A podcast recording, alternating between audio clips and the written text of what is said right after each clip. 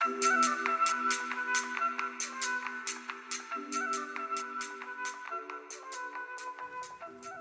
caracteres escritos en Twitter lamentaban o peche do Café Derby.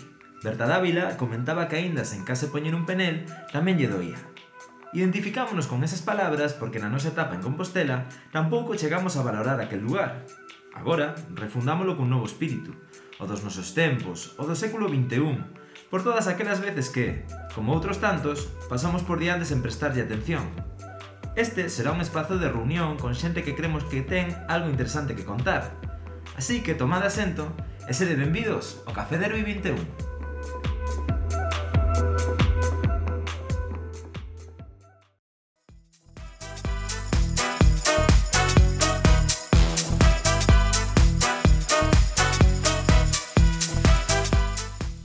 Café Derby 21, un podcast da revista Luces.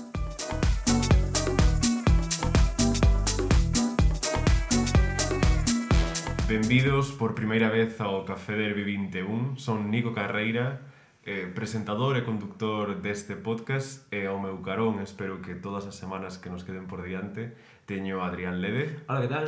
E a Carme Domínguez. Hola, encantada.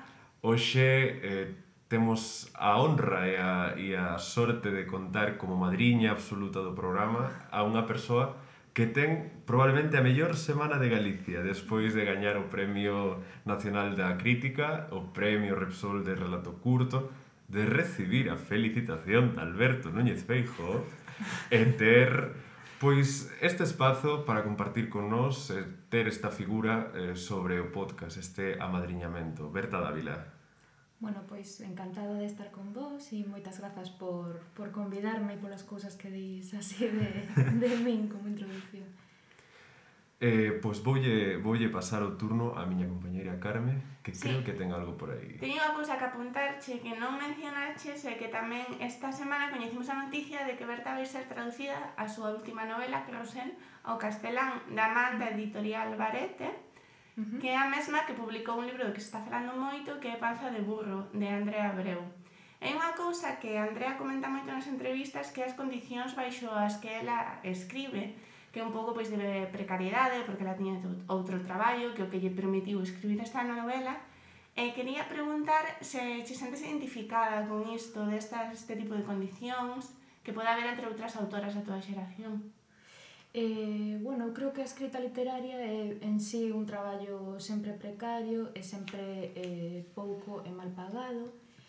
Eh, daquela, pois, eh, bueno, podo compartir non eh, moito eh, esa idea da, do traballo que hai detrás dunha novela e do que comporta a idea de que, de que as autoras de, de novelas e de literatura eh, pois facemos eh, moitas horas de, de, de unha dedicación ás veces eh, solitaria, ás veces ingrata e que moitas veces incerta tamén, non? Eh, pero bueno, no meu caso mm, síntome moi, moi afortunada eh, das partes de bonitas que ten todo isto, non? Porque a, a, pois a escrita literaria e, e a escrita de, de novelas para min é unha maneira de estar no mundo e e, e é moi bonito poder facelo, non? E, bueno, pois a contra de, de todo o que supón eh, pois ese, esa precariedade sistémica non? Do, das creadoras de, de cultura e de, e de literatura. Pero quizáis eh, poderías eh, apuntar na dirección de que é algo xeracional, é algo de que este famoso millennial está destinado a, a ter que soportar Eu creo que sería como, bueno, que sería un pouco injusto, non, co, con todo o resto de escritoras e escritores, non, que que levan moitas décadas facendo facendo traballos apuntar que a condición de precariedade da, da literatura ten que ver con algo xeracional, non? Eu creo que ten que ver con algo sistémico eh, que está aí desde, bueno, desde sempre e que, e que nos afecta eh, eu creo que, que por igual a, a, a distintas xeracións, quero dicir, non creo que os creadores ou as escritoras eh, de, de novelas que me sacan pois igual 15 anos, non? teñan unhas condicións de traballo, digamos, eh, pois, eh, ou atopasen no seu momento un, un sistema máis estable, non? De feito, creo que moitas delas abriron camiños eh, moi relevantes con moitísimo esforzo e moitísimo traballo, non? O que sí que hai e evidentemente que, que unha escritora de novelas non, non está fora do seu mundo nin do seu tempo, non? Entón eu formo parte tamén dese, dese marco xeracional, non como creadora en especial, senón como, bueno, como persoa que, que, que ten a idade que ten e que vive no mundo no que vive, non? Eh, quizáis eh, podamos tamén trazar unha liña entre o que lle vai a acontecer a Carrusel ao castelán, eh, co que ten Sally Rooney, eh, que agora parece que ven para o galego, eh, que vimos por aí que comentabas que si conversaciones con amigos, que si normal people... Uh -huh. eh, podes, ao mellor, trazar alguna alguna semellanza temáticamente? Eh, creo que creo que es que me dera, non? Creo que Sally Rooney é unha escritora inteligentísima e unha e unha é unha persoa mm, da que eu así de partida penso penso seguir de cerca e penso seguir lendo o que fai. Eh, si sí é certo que me gustou máis a súa primeira novela que a que a segunda, o que, o que non quer dicir nada, non? Porque, eh, bueno, creo que ten eh, moitas eh, moitas cousas que contar e, e unha, e unha maneira moi brillante de contalas, non? Eh, non sei se, se, se ten moito que ver con, con Carrusel ou, ou dende logo non, non, non vexo tampouco moitas conexións temáticas nin, nin mesmo nin mesmo en relación á escritura, non? Por exemplo, conversaciones entre amigos é un libro que, bueno, que xa, xa o indica un pouco no título, non? Que ten un diálogo moi vivo, unha maneira de, de, de enlazar, non? Eh, de relatar ese tipo de, de contextos e unha escritura tamén moi... Eh, moi diáfana, non? En moitos aspectos e Carrusel é un libro que non ten ningún diálogo de principio a fin, non? E, e que está escrito ademais así, non? Pero bueno, xa che digo, xa que me dera ter algo que ver con Sally Rooney o poder chegar a, a bueno, a facer algunhas das cousas que ela fai que, que eu lle envexo moito. Bueno, Sally Rooney eh, din que é como a gran primeira autora millennial, falase un pouco desa xeración millennial na literatura, mm. eh, un elemento así que mismo ela fala de un pouco de autoficción, de, do mundo que coñece, e non sei se vos parece que os millennials eh, falan máis ou mellor que outras xeracións da, do, que, do que coñecen ou da súa propia do vida. egocentrismo. a ver, sempre son, son, seña, son señalados como unha xeración moi egocéntrica. Hmm. Que pode ser en parte, pode ser o tema de que todos temos esa sensación de somos super creativos, somos eh, eh, que ninguén nos descobreu todavía, non? Pero non sei se pensades que a autoficción é unha cousa que ten que ver moito cos milenios ou unha cousa xeral. Penso, a mm. ver, creo que hai moitísimos exemplos de creadores e creadores milenias que teñen moito que ver coa autoficción. Pero quería recalcar, volvendo a Sally Rooney, mm. eh, a súa escrita, unha cosa que a mí gustame moito dela é como o aparentemente sinxelo que ten as súas historias, porque ao final, como o propio nome da segunda novela, Normal People, pois é xente absolutamente normal e que ten conversas normales e a súa forma de escribir é tamén moi sinxela, pero como que se rascas un pouquiño, ten como unha capa detrás de todo iso bastante profunda, onde plantexa moitísimos problemas, e quería, de feito, animarvos, porque Normal People é un libro que xa é moi conocido, pero a ler eh, conversacións con amigos, conversations with friends, Entendimos, eh? en castelán. non sei, bueno, si sí, agora xa está traducido. Era para facer un poquinho a lista. Ya, verdade. Pero sí, é un libro no que toca moitísimos máis temas, eh, de feito, como menciona Berta, cos diálogos, que podemos ter mm, xente de idades similares, conversacións incluso sobre política, mm. sobre relacións persoais tamén, por suposto, que é un libro que quedou un, un pouquiño olvidado, baixo a sombra, sobre todo a raíz da serie. Claro, que a serie... Claro, que a serie claro. que pon así reivindicar un pouco de vez en cuando de que non hai que... O que pasa que a través agora do, da, da que a serie está de moda, e pones o libro de moda, tamén pode facer que a xente descubra o libro, ante, o claro, libro anterior. Tamén, tamén. Eu onte estive vendo unha entrevista de... Bueno, unha entrevista, si, sí, está como en Youtube, e, e falaba un pouco de, de que ela estaba sobre os, as persoaxes de Normal People son as sí. que coñezo eh, relacionada que ela estaba no clube de debate que estudiou literatura un pouco mm. que Connell, non? É o rapaz. Eh, é, sí, eh, estudia, é que, de feito no Trinity que é no, na mm, universidade na que estudiou Rubén. Que non, non vou mentir, non lín o libro, vin a serie, pero como ela é a guionista, eh, vou pensar que Algo está ben, ver. ben adaptada. eh, e gustame, falo de eso, de, de, de, da serie, eh? Mm. gustame que trata, por exemplo, eh, enfe, eh, a doenza mental, non? De, de que sufre eh, con, bueno, non sei, spoiler, pero bueno, que sufre con en certo momento. É un tema que non se trata mellor de, de, de dis unha persoa que o rapaz que ten 20 anos, bueno, está na universidade. Sí, sí. Eh, no, sobre todo dende a honestidade coa que escribes sobre mm, Moitas veces é o máis importante, a honestidade a hora de escribir dicía Gertrude Stein, Hemingway, oh, tens que escribir a palabra máis sin, tens que ser sincero en cada palabra e tal. E a mellor sí que os millennials Era... Es escritores. Eu non son ni escritor ni son millennial, entón vexeme un pouco fora de barco. Que centennial, que eu son centennial. Que eh. esta semana descubrimos, porque eu son, son un tipo de cereal. Eu son... eu son millennial de pura cepa. Eh, pero vos... Berta eh, igual tamén é millennial. Sí, sí, sí, eu son sí. do 87, así que supoño que entro Entras aí. Nas marxes. Eu son do 90 que son millennial tamén. E vos, que sodes do 97, sodes unha cousas... Claro, entre dos sabos. Sodes como equidistantes de xeracións. Non sodes nin xeración Z, nin, sodes, nin millennial. Agora dice que sodes centennials. Somos pontes. Moi ben. o tema que ela dicía na entrevista que o que lle buscaba moito era de eh, que, os, que as súas personaxes foran moi realistas, que poder, poderas empatizar moito con elas. Eh, A min, por exemplo, gustoume moito na serie eh, o, por exemplo, as escenas de sexo da serie pareceronme moi interesantes porque pareceronme moi reais e non estou acostumado a ver eso nunha serie ou nunha película. Eh, eh, eh, incluso eles que ao final son dos actores vale que non os coñeces de antes pero transmitíame moita realidade a escena final doume moita pena e transmitíame moita realidade tiña a sensación de estar vendo unha parella real en certos momentos. Sí, no, Ela é guionista, bueno, claro. Claro, ela é guionista. Bueno, non son de autoficción, a verdad?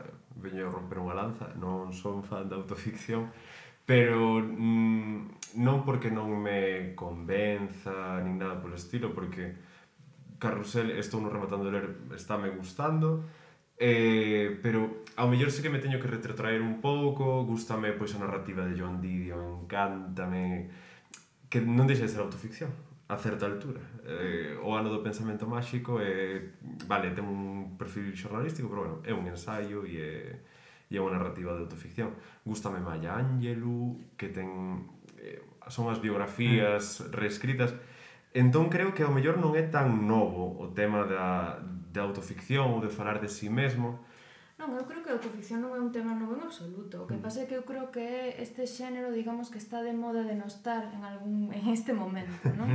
Quero dicir, hai un pouco determinadas correntes eh, sempre de de, digamos, de preferencia literaria que se impoñen en un momento dado e xunto a esa xorden sempre as contracorrentes literarias, non? Quero dicir, a persoa que di me encantou o Quixote, E a persoa que di, non, non, Quijote non é, o mellor de Cervantes, o mellor son as novelas exemplares, non? Eh. Bueno, sempre hai, digamos, os, os xéneros contra ou as cuestións contra eh, que está de moda de non estar nun momento dado, non? Quero dicir, eu creo que todos os xéneros en sí ou todas as fórmulas narrativas eh, poden ser válidas segundo quen as trate e como as trate e para que as trate, Eh, e que en certo modo, digamos, eh, é como dicir en algún momento non son para min os chineses ou algo así, non? Quer dicir, entendo que hai cousas que, que polas que un ten preferencia ou non, pero digamos que son marcos moi amplos. E logo tamén detecto, sobre todo, eh, con respecto a isto, eu sabía que era unha etiqueta controvertida para o libro e non me importou, o sea, non me importa,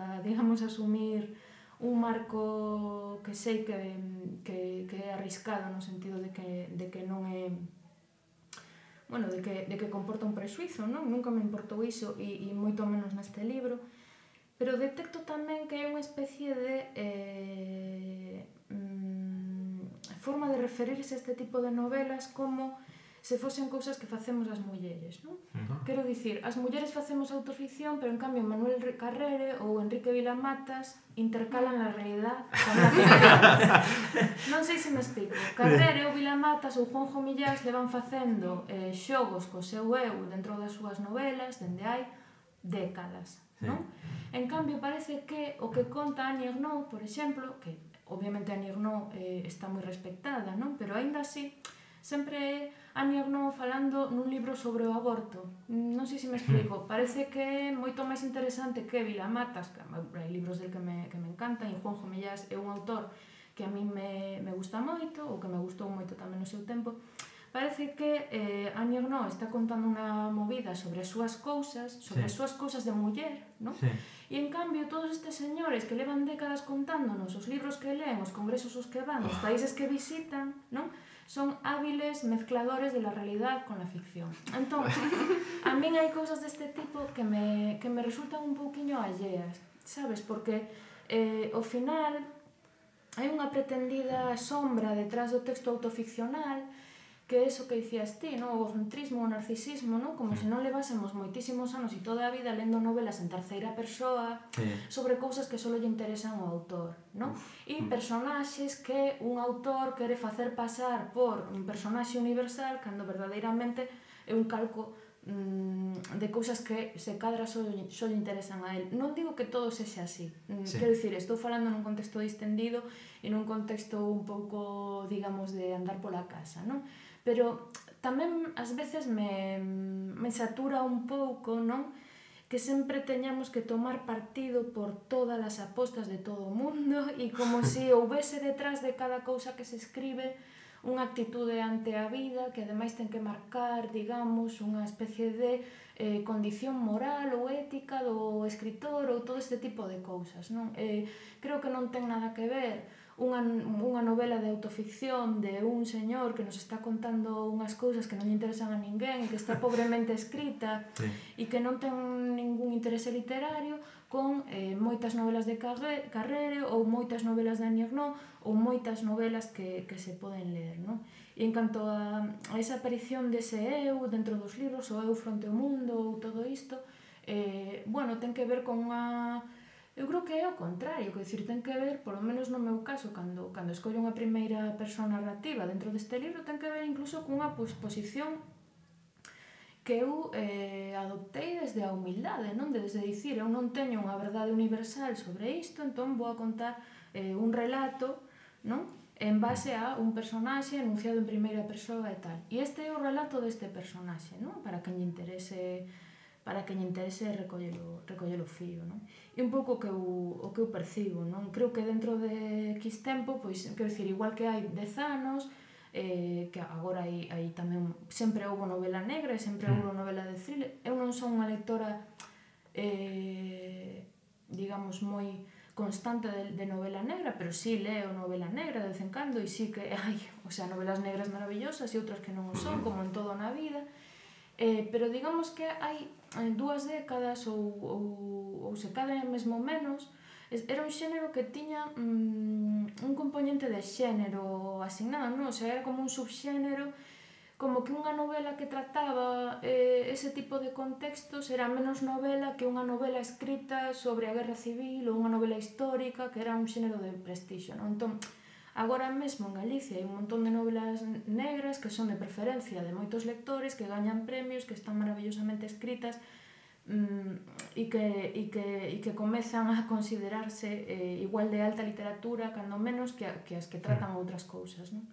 Entón, bueno, supoño que esta é a era na que, na que un montón de xente, eh, pois iso, mm, está nesa onda, non? De, de pois iso, de, de denostar determinadas cousas en función de outras ou tal. Eu en xeral non non, non boto nada por terra, o sea, non son unha persoa nin sequera de autores que reverencie, sabes? Son mm. máis unha persoa de libros concretos, hai autores que son maravillosos e que case sempre me gusta o que escriben, pero, pero vamos, o sea, non teño prexuizos a hora de ler, sabes? Sí. Que é unha cousa moi... Muy eso, o sea, ter prejuizos a hora de ler e logo determinados libros, determinados autores ou determinadas capas, non, non os leo porque tal, bueno, non sei. Eu teño unha relación coa cultura máis non ter fobias, non? Máis inmediata, eh. sí, o sea, a min ese algo me gusta e me parece interesante e me dixo algo, pois Que ao final o do ego é unha cousa que leva... O sea, no, que, é, que, o do ego é un, como un argumento sempre para atacar como a xente máis sí. moza, a xeración tanto que, que millennial, Z e cal, vos. Cal, era que vai ser. Milena Z e vos, que é un pouco, ai, que so, so, so, son uns egocéntricos, generación yo-yo, non sei que... Eh, é verdad, generación yo-yo. Galiño oh. Jesús. Moi de, moi de redactor que ten 52 anos e problemas de próstata. eh, pero, por exemplo, eh, a, um, nas series, non? Eh, sí. Eh, eh, o que dicías ti, de que utilizase moito para atacar as mulleres, sobre todo. Eu acordome cando eh, puxose moi de moda Girls, eh, a Lena mm. Dunham dabanlle paus por todos lados. Eh, creo que non se diferencia un pouco o persoaxe, a persoaxe de Hanna de Elena Dunham que é dicir, é autoficción, teñen sí. cousas que ver, pero... É unha personaxe tamén moi forte, face o diable... Pero tamén, eh, eh, como se chama a creadora de... Eh, Podría destruirte? Macaila Coven. Esa, esa rapaza, eu creo que se a busca tamén, por exemplo, na, na, eh, nesa serie, que está moi ben, vamos falar agora dela, eh, tamén busca facer un, unha personaxe imperfecta. Eh, dicía Sally Rooney eh, sobre o personaxe de Marianne que ela non quería facer mulleres perfectas, eh, quería facer tamén unha, unha muller coa, coa súa... Sí, co con erros, virtudes... Eh, eh pero Quizás esa é unha, unha das virtudes da, desta xeración de literatura que busca buscar precisamente as aristas que existen na vida real e deixar de construir mulleres como referente a un no, home. Personas, o... personaxes acartoadas, eh. Sí. Eh, eh non sei, viche desa última de Nolan? No. nin, nin fai falla que de cabexades. Pero hai unha persoa, a persoaxe femenina eh, desa, desa película Eu digo, pero vamos a ver, señor Nolan, vostede falou cunha muller algunha vez na súa vida? En plan, é, a súa función na película é ser nai. E xa está, que non ten... Terrible, vais a acabar o mundo e quedase la así en plan, ai, se, se se acaba o mundo vai morrer o meu fillo. E, ese é un, o seu único pensamento. Eh, en cambio, eso, como estas mulleres son, aparte de eso, teñen defectos, teñen tal, molestan a certo tipo de... De sector. De sector que queren tiralas que abaixo. Existe, que non se pode negar que existe. Que queren tiralas abaixo, que non, que non, que non teñan voz, penso. Sí. Ah, quizáis eu vou tirar pola comedia, que sempre ten un pouco máis de, de cariño. Eh, Phoebe Waller-Bridge con Fleabag. Eh, primeiro foi teatro, antes de ser serie. Eh, ao mellor entra aí por literatura. Pero... Sí, sí que... está, está publicada, non? Como a obra, non? Sí, sí, eu teño, eu teño obra publicada en, en teatro. Eh, vamos, un, como se fora panfleto de teatro. Eh, pareceme interesante este de mulleres imperfectas, se non xa levar a outro, a, que dicir, deixar xa de debuxala como, ah, que son imperfectas, non, é que unha personaxe que ten determinadas características, como ten outras mm, claro. características, como eh, dice o que lle parece, eh, Eh, ao gallo do que dicía Berta, que dicía agora que si a novela de misterio, por que se denostou tanto tempo? Porque era novela que consumía o público feminino? En... Non, eu creo que todos os xéneros que teñen unha aceptación popular, non? en un mm. momento dado sempre atravesan unha, bueno, non? un certo así, o sea, quero dicir, hai unha parte da, do público da cultura, eh, por fortuna non maioritario, mm, que consume a cultura como un produto de diferenciación elitista, non? Mm. Quero dicir, eu son consumidor de cultura, solo leo determinados libros, e, e en certo modo iso me diferencia, digamos, de, eh, de que non consume cultura, non? O sea, cultura como elemento distintivo, ás veces incluso de clase, non? Mm -hmm. Entón, nun momento dado, os xéneros que, que entran nunha popularización, non? E, e que gustan a moita xente, pois a ese pequeno público reacciona en contra porque les quita precisamente o... Sí.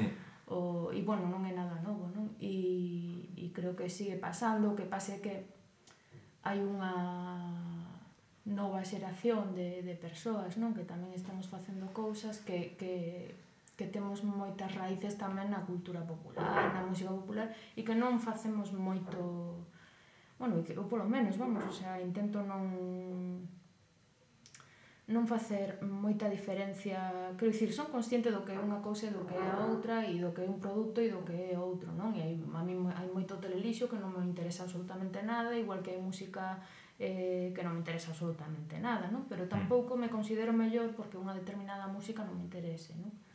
Eh, e, eh, eh, bueno, pois pues aí, aí está. Peñas outro día nun tweet que a xente que escoita Radio 3 sí, ah, pensa que, que ten un Nobel de Química, non? un pouco menos, pero bueno, sí. Eh, eu tamén, por exemplo, no cine, non sei, por, ah, por un comentario que hubo un título sobre David Lynch. Uh -huh. E saiu, bueno, un Pedro, ba Pedro Ballín criticou a David Lynch. Uh -huh. Era Twin Peaks, non me acordo ben. Eh, os defensores de Lynch, máis que defender tal, era en plan... Non, non, vamos a ver. Para entender a Lynch hai que ser eh, superdotado. Co cal vos, pobres mortais, non entendedes a David Lynch. A mí tampouco me parece unha cousa a ver, entendo que non é, bueno, non é unha cousa tan sinxela como outras, pero tampouco penso que sexa é un director como tantos outros que ten o seu estilo persoal, que bueno, que um, hai xente que lle gustará e xente que non. Para mí non é tanto unha cuestión de que, de que non pode haber cousas máis profundas mm. e máis complexas, non? Que evidentemente non lle van a gustar a xente que non está feita, mm. non? A consumir determinado produto, porque non é o mesmo, sabes? Ler Harry Potter e la Orden del Fénix sí. que ler En busca del tempo perdido claro. e non pasa nada. Para min o problema mmm, ben eh, igual que non é o mesmo escoitar os 40 principais que escoitar mm. Radio 3, quero dicir eh, para min, para o problema é que é cando hai persoas que, que pensan que que, que adoptan unha posición de que eh, mm, consumir ese produto cultural complexo que require tal é, é como algo que, que, que os fai mellores como claro, resto. Oh, moita sí. superioridade moral de mirar sí, por riba e sobre todo tamén que a cultura ou a capacidade de, de ser unha persoa formada e que leu moitas cousas tamén é unha marca de clase que, mm. dicir, non todo o mundo ten acceso a eh, a ser unha persoa de 60 anos con unha formación cultural, intelectual, tal e cual. Entón, eh, asumir que un é mellor eh, que outro por, por algo así é como, tanto como asumir que un debe sentirse orgulloso de ter moitos cartos. Mm. Sí.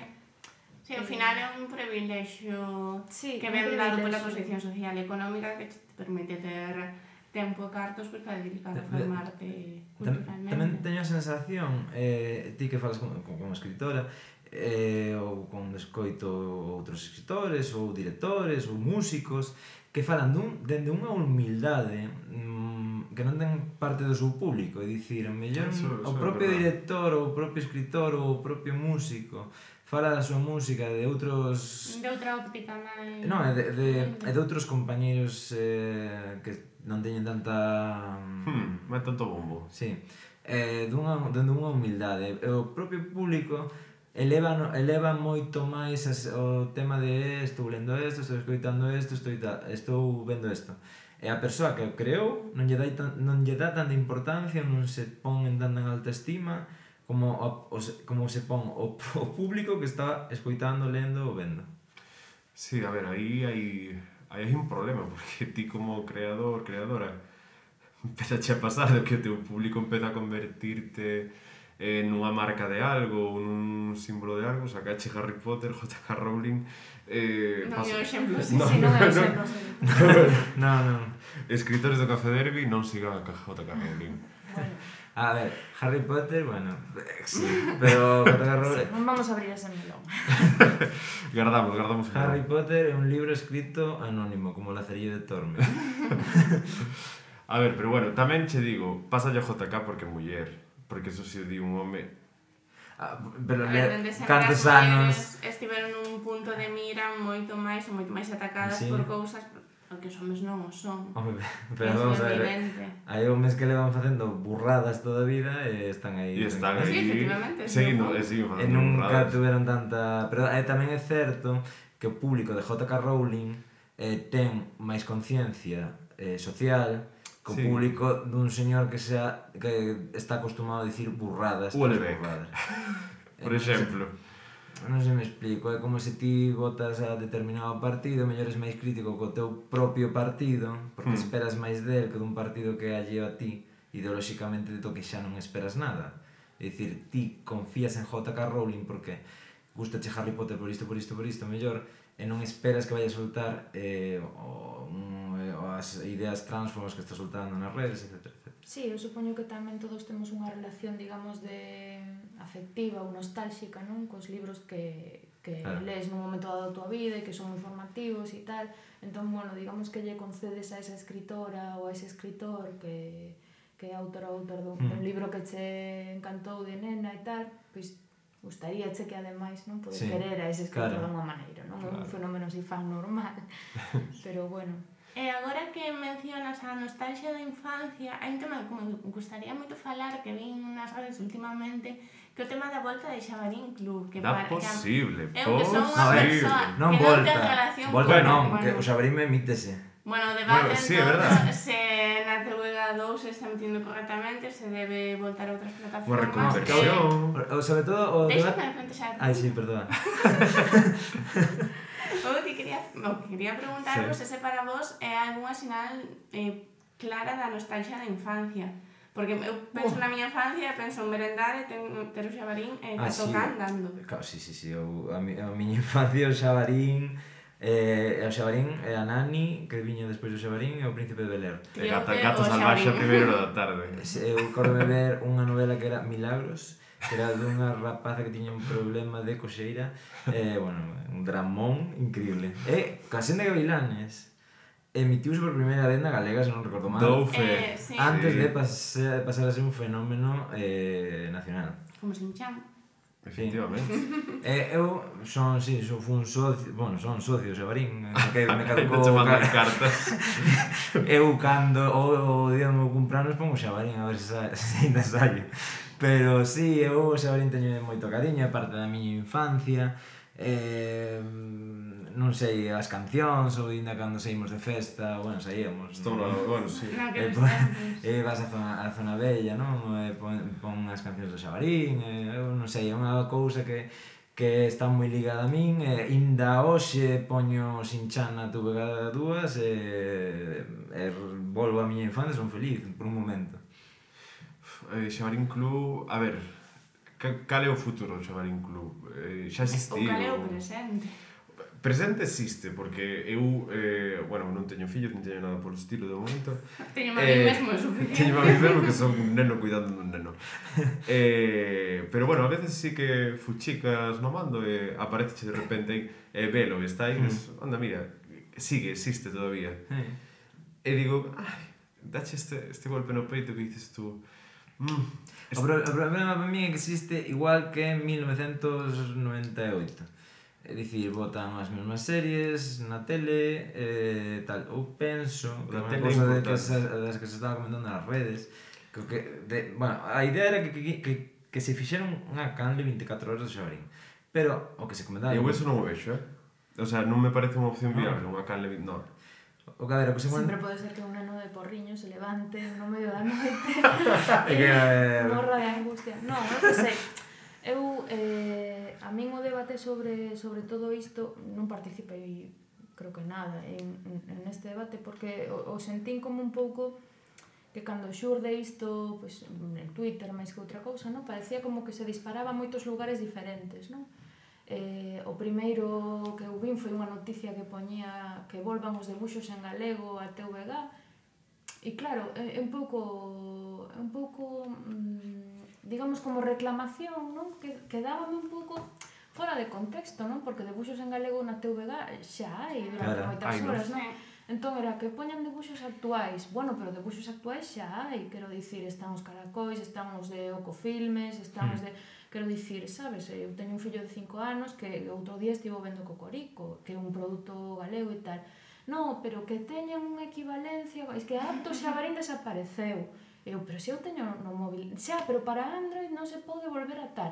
Vale, entón era un pouco unha sensación de decir, vale, entendo por onde vai todo isto, pero claro... Mm, cale a queixa específica. Cale a queixa específica, mm. non? A onde se quere chegar e cale o coñecemento, non?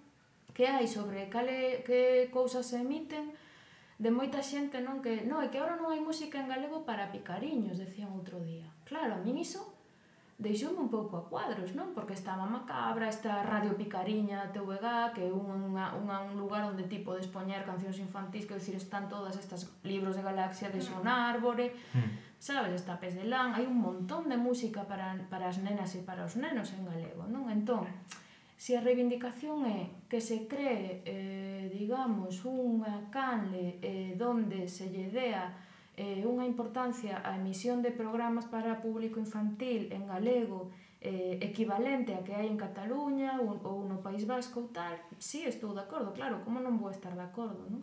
Pero non sei, o sea, tampouco se pode disparar, creo, o sea, é a miña opinión, eh, tampouco, mm. sabes, non digo que teña eu a razón, o sea, a impresión que a mí me dá, non, como persoa susceptible de consumir iso porque teño unha crianza na casa, non? A impresión que a mí me dá é que hai que disparar un pouco cara a un lugar en concreto, non? Que logo se vehiculou a través de toda esta proposta que fai a mesa, que para min ten algo máis de sentido, non? Que estas novas de prensa que saíron de que volvan os debuxos en galego e vías de baixo. Como? En Galicia non hai dibujos en galego, dixo. Ah, claro, claro.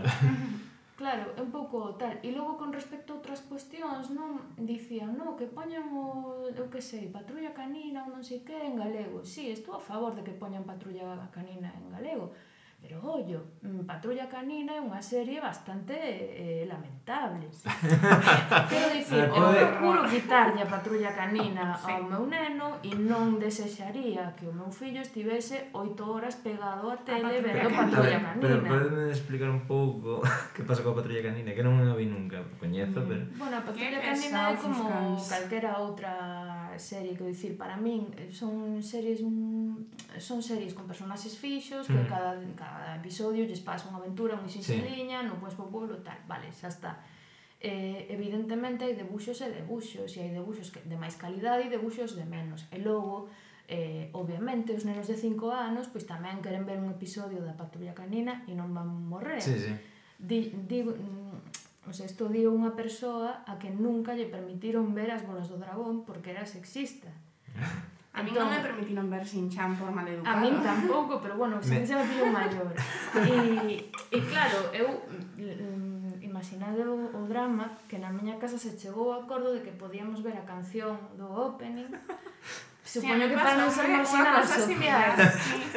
Que eu lembrome de, claro, todos os nenos da miña escola eh, pois facían os chistes do Sinchan. Eu como dicía, ai, si, sí, si, sí, cuño, cuño, claro, pero eu non tiña ni... Cuño, cuño. Home, do cuño, que cuño. iso? Sí, pero doutros sí. chistes que ainda hoxe en día escoito, digo, non, porque mamá dicía, pero, pero, pero que queres ver aí, mm. se un mal educado? Claro, entón, mm. que o meu fillo vexe un episodio dous de Patrulla Canina, e ten os bonecos de Patrulla Canina, de goma, pequeniños, non sei que, e nunca un xoguete lle deu tanto xogo, non? Pero... Eh que vexa dous episodios, bueno, pareceme, pois que xa está, non? Pareceme sí. ben. Que eses episodios estean en galego e que a ficción, digamos, de moda a nivel global para nenos, pois tamén a, xa sabes, digamos, as series mainstream para, para sí. cativos, non? Sí. Pareceme ben. Agora, mmm, tamén temos unha canle de música en galego con produtos de moita máis calidade, o meu ver, que os cantajuegos. Mm. Entón, non sei, Para min era máis un tema de veiculemos todos estes disparos, non? E, e tamén valoremos a calidade das cousas que, que, que xa, xa temos. hai, claro. Sí, é certo que falas eh, moitas veces de non hai isto, pero ao final o temos aí, e non sei se é problema de que a xente realmente, no. por moito que diga non temos, non se molestan buscalo ou que as propias canles que o producen non saben como chegar ao que seu tamén é un problema, quero dicir, para min, para min, na miña opinión, vamos, tamén é un problema eh, que debería plantexarse a canle que o emite se si ti estás tes un contido disponible Exacto. que os rapaces do teu país non coñecen e claro. que non claro. chega, que decir, algo estás facendo que se pode facer mellor hmm. Eso como outro día deron está, a, bueno, non sei se o quitaron xa, estaban dando películas de estrea así moi comerciais sí. na galega. E que pasas? Botaban, por exemplo, deron Dunkerque. Ah, sí. Eh, eu enterei... Unha da mañá unha cousa, sí. Bastante tarde, as 11 da noite, despois ainda retrasaron máis. E digo eu, Dunkerque é unha película bastante nova, tiña dous anos así están dando na galega, en galego está moi ben. Pero mm, prácticamente estás dando unha hora moi rara, non estás aproveitando ese produto ben, na miña opinión. Sí. E anuncias en plan, ai, os de Hollywood falan galego. sí. xa, xa está. Con eso ah, chegouche. Con eso chegouche, ai, mira que gracioso, venga, falando en galego. Eh, non sei, é un pouco me aproveitado. Eu penso que tamén o Xabarín moitas queixas ven, veñen de xente que non ven o, non ve o Xabarín. Eso, aí quería chegar. Eh. Dicir, nostálxicos do Xabarín. Que en plan, ai, como volvos abrín, eh, que non o vai a ver, nin ten fillos, nin ten... Si que queren bailar as cancións sentadas. Eh, claro. O tema, o tema das cancións, o que eu parece moi interesante, eso sí, que parece moi interesante que te dicías eh, que podían poñer eh, grupos tipo Boyanca, Costoba, Bayuca, este grupos así, porque ao final no Xabarín poñente cancións de Areliñas sí, Federadas, sí, Federadas e tal, non? Así un pouco deses grupos sí. eh, dos, dos, dos 80. Eh, eu penso que un pouco co que diverta, bueno, xa hai cousas que hai que valorar e cousas que tamén se poden mellorar, por exemplo, hubo un rapaz eh, en Twitter, e que non me acordaba quanto porque vi no moito tempo, dobrou o, o galego Steven Universe e dobraba as cancións, e dobraba escenas e tal. Era super chulo. Aparte, Steven Universe sí que é unha serie que me parece moi interesante que se dobrara o galego porque ten uns valores, e ten mm. unhas cousas moi modernas, moi... Que A patrulla canina... A patrulla canina, polo que vexo. de igualdade vai un pouco xusto. Steven Universe fala de igualdade, fala de personajes eh, personaxes LGTB falan de moitas cousas que eu penso que é moi necesario que os rapaces mm. de hoxe en día Vexan, esa serie sí que é importante, sería importante doblar o galego, máis que doblar o mellor que a patrulla galega ou, cal, ou calquera que este de moda. Eu vexo no, no do Xabarín, mira, veo así unha idea de escuitador falar e tal.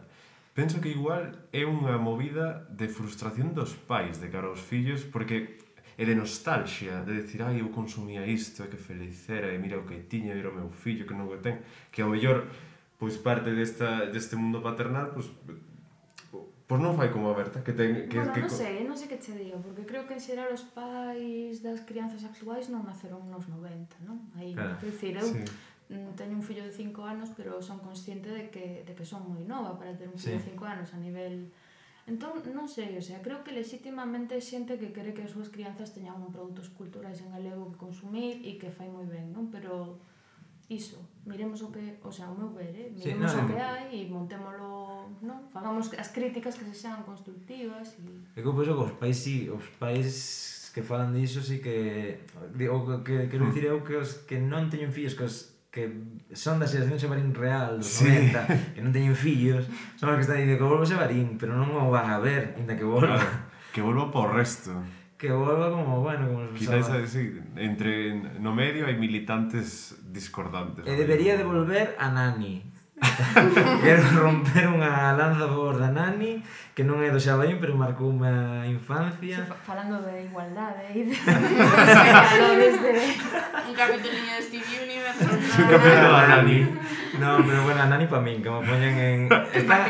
A Nani está en Amazon. Eh, ganar en galego. Eh, quero que te dobrado galego en Amazon, xa vexo eu cando queira. eh, pero te, teño moito cariño, non? Bueno, se queredes así rapidamente. Eh, en xeral, eh, do Xabarín, ou do Club Megatriz, ou do que querades. Unha serie da infancia que recordes con cariño. Uf, claro que... Serie de infancia... Estamos de buxiños... Está, están as persoas que facían cousas para nenos... E é que eu son dunha xeración moi rara, porque a, eu xa pillei como declive do xabarín e logo xa enganchabas pois con outras canles que che traían como este produto todo estadounidense de Hannah Montana e Cia. Ah, pois, eu, a verdade é que pouco me pouco vin Disney Channel. Igual porque non o tiña ata que foi a ver. acabo, acabo de ser exposto de cara. Neno, neno, neno rico. Acabas de descubrir o meu pasado como persona con Disney Channel. Oh, eh, unha serie que, pois, non o sei, se alguén ten algunha... De serie de infancia. Si, sí, eu lembro, non sei, eu lembro pois, o mundo de Big Man, por exemplo, Ai. que era moi curioso. A volta ao mundo 80 días, o inspector Ai, H. Eh. O mundo de Big Man, non sabedes o que é, porque se no. centenias deses, pero era unha ah, serie que se votaban a dúas, non? Se non recordo mal, creo que na dúas era. Sí. No, un... tamén se emitía en na galega, galega. Tamén na sí. galega. Sí, sí. Eh, que era un científico, sí. un, ra... un home vestido de rato, e facían como experimentos. Facían como... experimentos curiosos e logo explicábanse o contido científico. Pero bueno, era moi divertido. Mm, era super divertido. Era Tens que ver, o mundo de Pitman é boísima. Pois Porque non me sona de nada, de o sea, nada, como se eh? estuverades falando lo mesmo de... Agora mesmo un choque xeracional sí, total, sí, está sí, a mesa sí. partida en diagonal, descarrilou total, aparte non me acordaba desa serie, deu máis un flash, en plan, ai, encantábame esa serie lembro moitísimo de Gato Can, que é unha cousa oh. un pouco turbia, se o pensas, non, pero... serie de Cartoon Network, non, pero, non, non, teño ni idea. Eu, por exemplo, nunca vin. ah, claro. Pois pues temos dilemas existenciales, non Despois, el autobús mágico, pero non Oh, Ese é precioso. Verdad? É que era super guai. Tiña un capítulo un pouco raro, que era por dentro do corpo humano. Sí, bueno. Pero, o eso que? Con todo o que levaba. Eh, eh, pois consistía, eran as crianzas dunha escola eh? e a súa profesora o que facía nas aulas era os metía no autobús máxico e os levaba, por exemplo, hoxe temos aula para eh, aprender como funciona o tema da luz. Ah. Entón van e como de repente eles convírtense en as moleculiñas ou nos fotones uh -huh. ou no que sexa, e saen e viven como unha aventura na que acaban explicando como ese concepto. Ciencia no café derbi. a ciencia fácil, o mundo de Vima, o tour máxico. Eh, corpo humano. Era, se a unha son pa tiña, tiña un de insectos que se convertía o autobús Ah, sí, nunha, nunha, sí, nunha mm, eh, amantis destas, no, eh, nunha... Oh, ah, bueno, da igual. Eh, nunca Mariquita, pero que non me sabe non me galego, non a Xoaniña. Joder, sabíame miña xoia. o, o Milomes. Sí, o Milomes. Eh, pero eh, o vol volvo a ver eh, choque xeracional. sí, sí, Vos sí, emocionados, claro. Que din? A mí, indiferente. o sea, lo respeto. eu vou dicir Flint eh, e los viajeros del tiempo. Que isto é como Café de cafeteros sí, xa, de, xa desde pequeno. Aí xa xeracional. Eh, xa desde pequeno. E era eh, un cromañón que eh. quedara eh, parque jurásico, vamos a decir. Un cromañón que quedara como metido nunha pedra, unha cousa así, e picábano e sacábano, e o tipo tiña como unha pedra que lle deixaba viaxar polo tempo. Ah, e iban como a sitios e tal, e a mí gustaba moito. Está ben, ah, recórdame a, a, o que mencionaste outro día, Avatar. Ah, Avatar, que, que empeza así, non? Eh... Que encontran Avatar aí no xeo ou algo así. Pois Avatar eh, é unha nomo de, sociedade nomo dos lechos hai como varias tribus eh, e hai unha especie de tribu hiperfascista que ten eh, conquistados os demais. entón, eh, é a loita das tri, distintas tribus da resistencia mm. que cada unha ten pois unha controla a outra terra mm. por loitar e recuperar pois a súa forma de vida. É unha serie que está en Netflix eh, están moi moi ben, incluso para ver dende a, para ver os nenos e para ver agora porque trata moitísimos temas. Non, este é interesante, por eso eu non sei, eu penso que sobre todo as series que se vamos poñer series novas ou tal, un pouco series que teñan iso, un un calado Sí, un pouco máis de calado, penso, que si non sei. divertidas, entretidas, porque é para nenos, pero se teñen certos mensaxes... Bueno, que xa de todo, non? Sí, sí claro. eso tamén, eso tamén. Entón, para pero bueno, xa, que xa hai, non? Quero dicir, xa hai cousas, bueno, pero añadirlle sí. cousas... Eh... Por exemplo, Peppa Pig, que é unha serie super popular, a min fascina, me quero dicir, é super divertido, a min parece moi guay. Cando colga o teléfono. Esa mm, das mellores escenas da serie de... Podo silbar.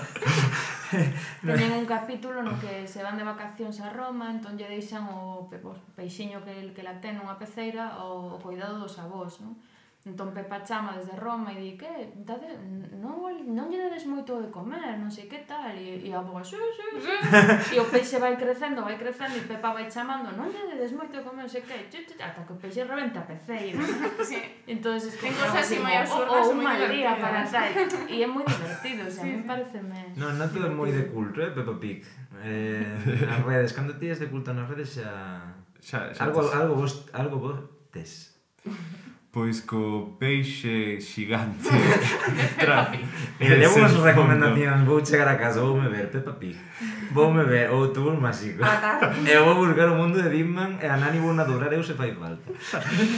E con estas, con estas palabras da nosa querida Berta Dávila, madriña do programa, moitas grazas por acompañarnos. Grazas a vos. Eh, pechamos o primeiro capítulo de Estrea que esperemos que os que estades ao outro lado agardedes con moitas ganas para a semana que ven. Moitas grazas, vémonos.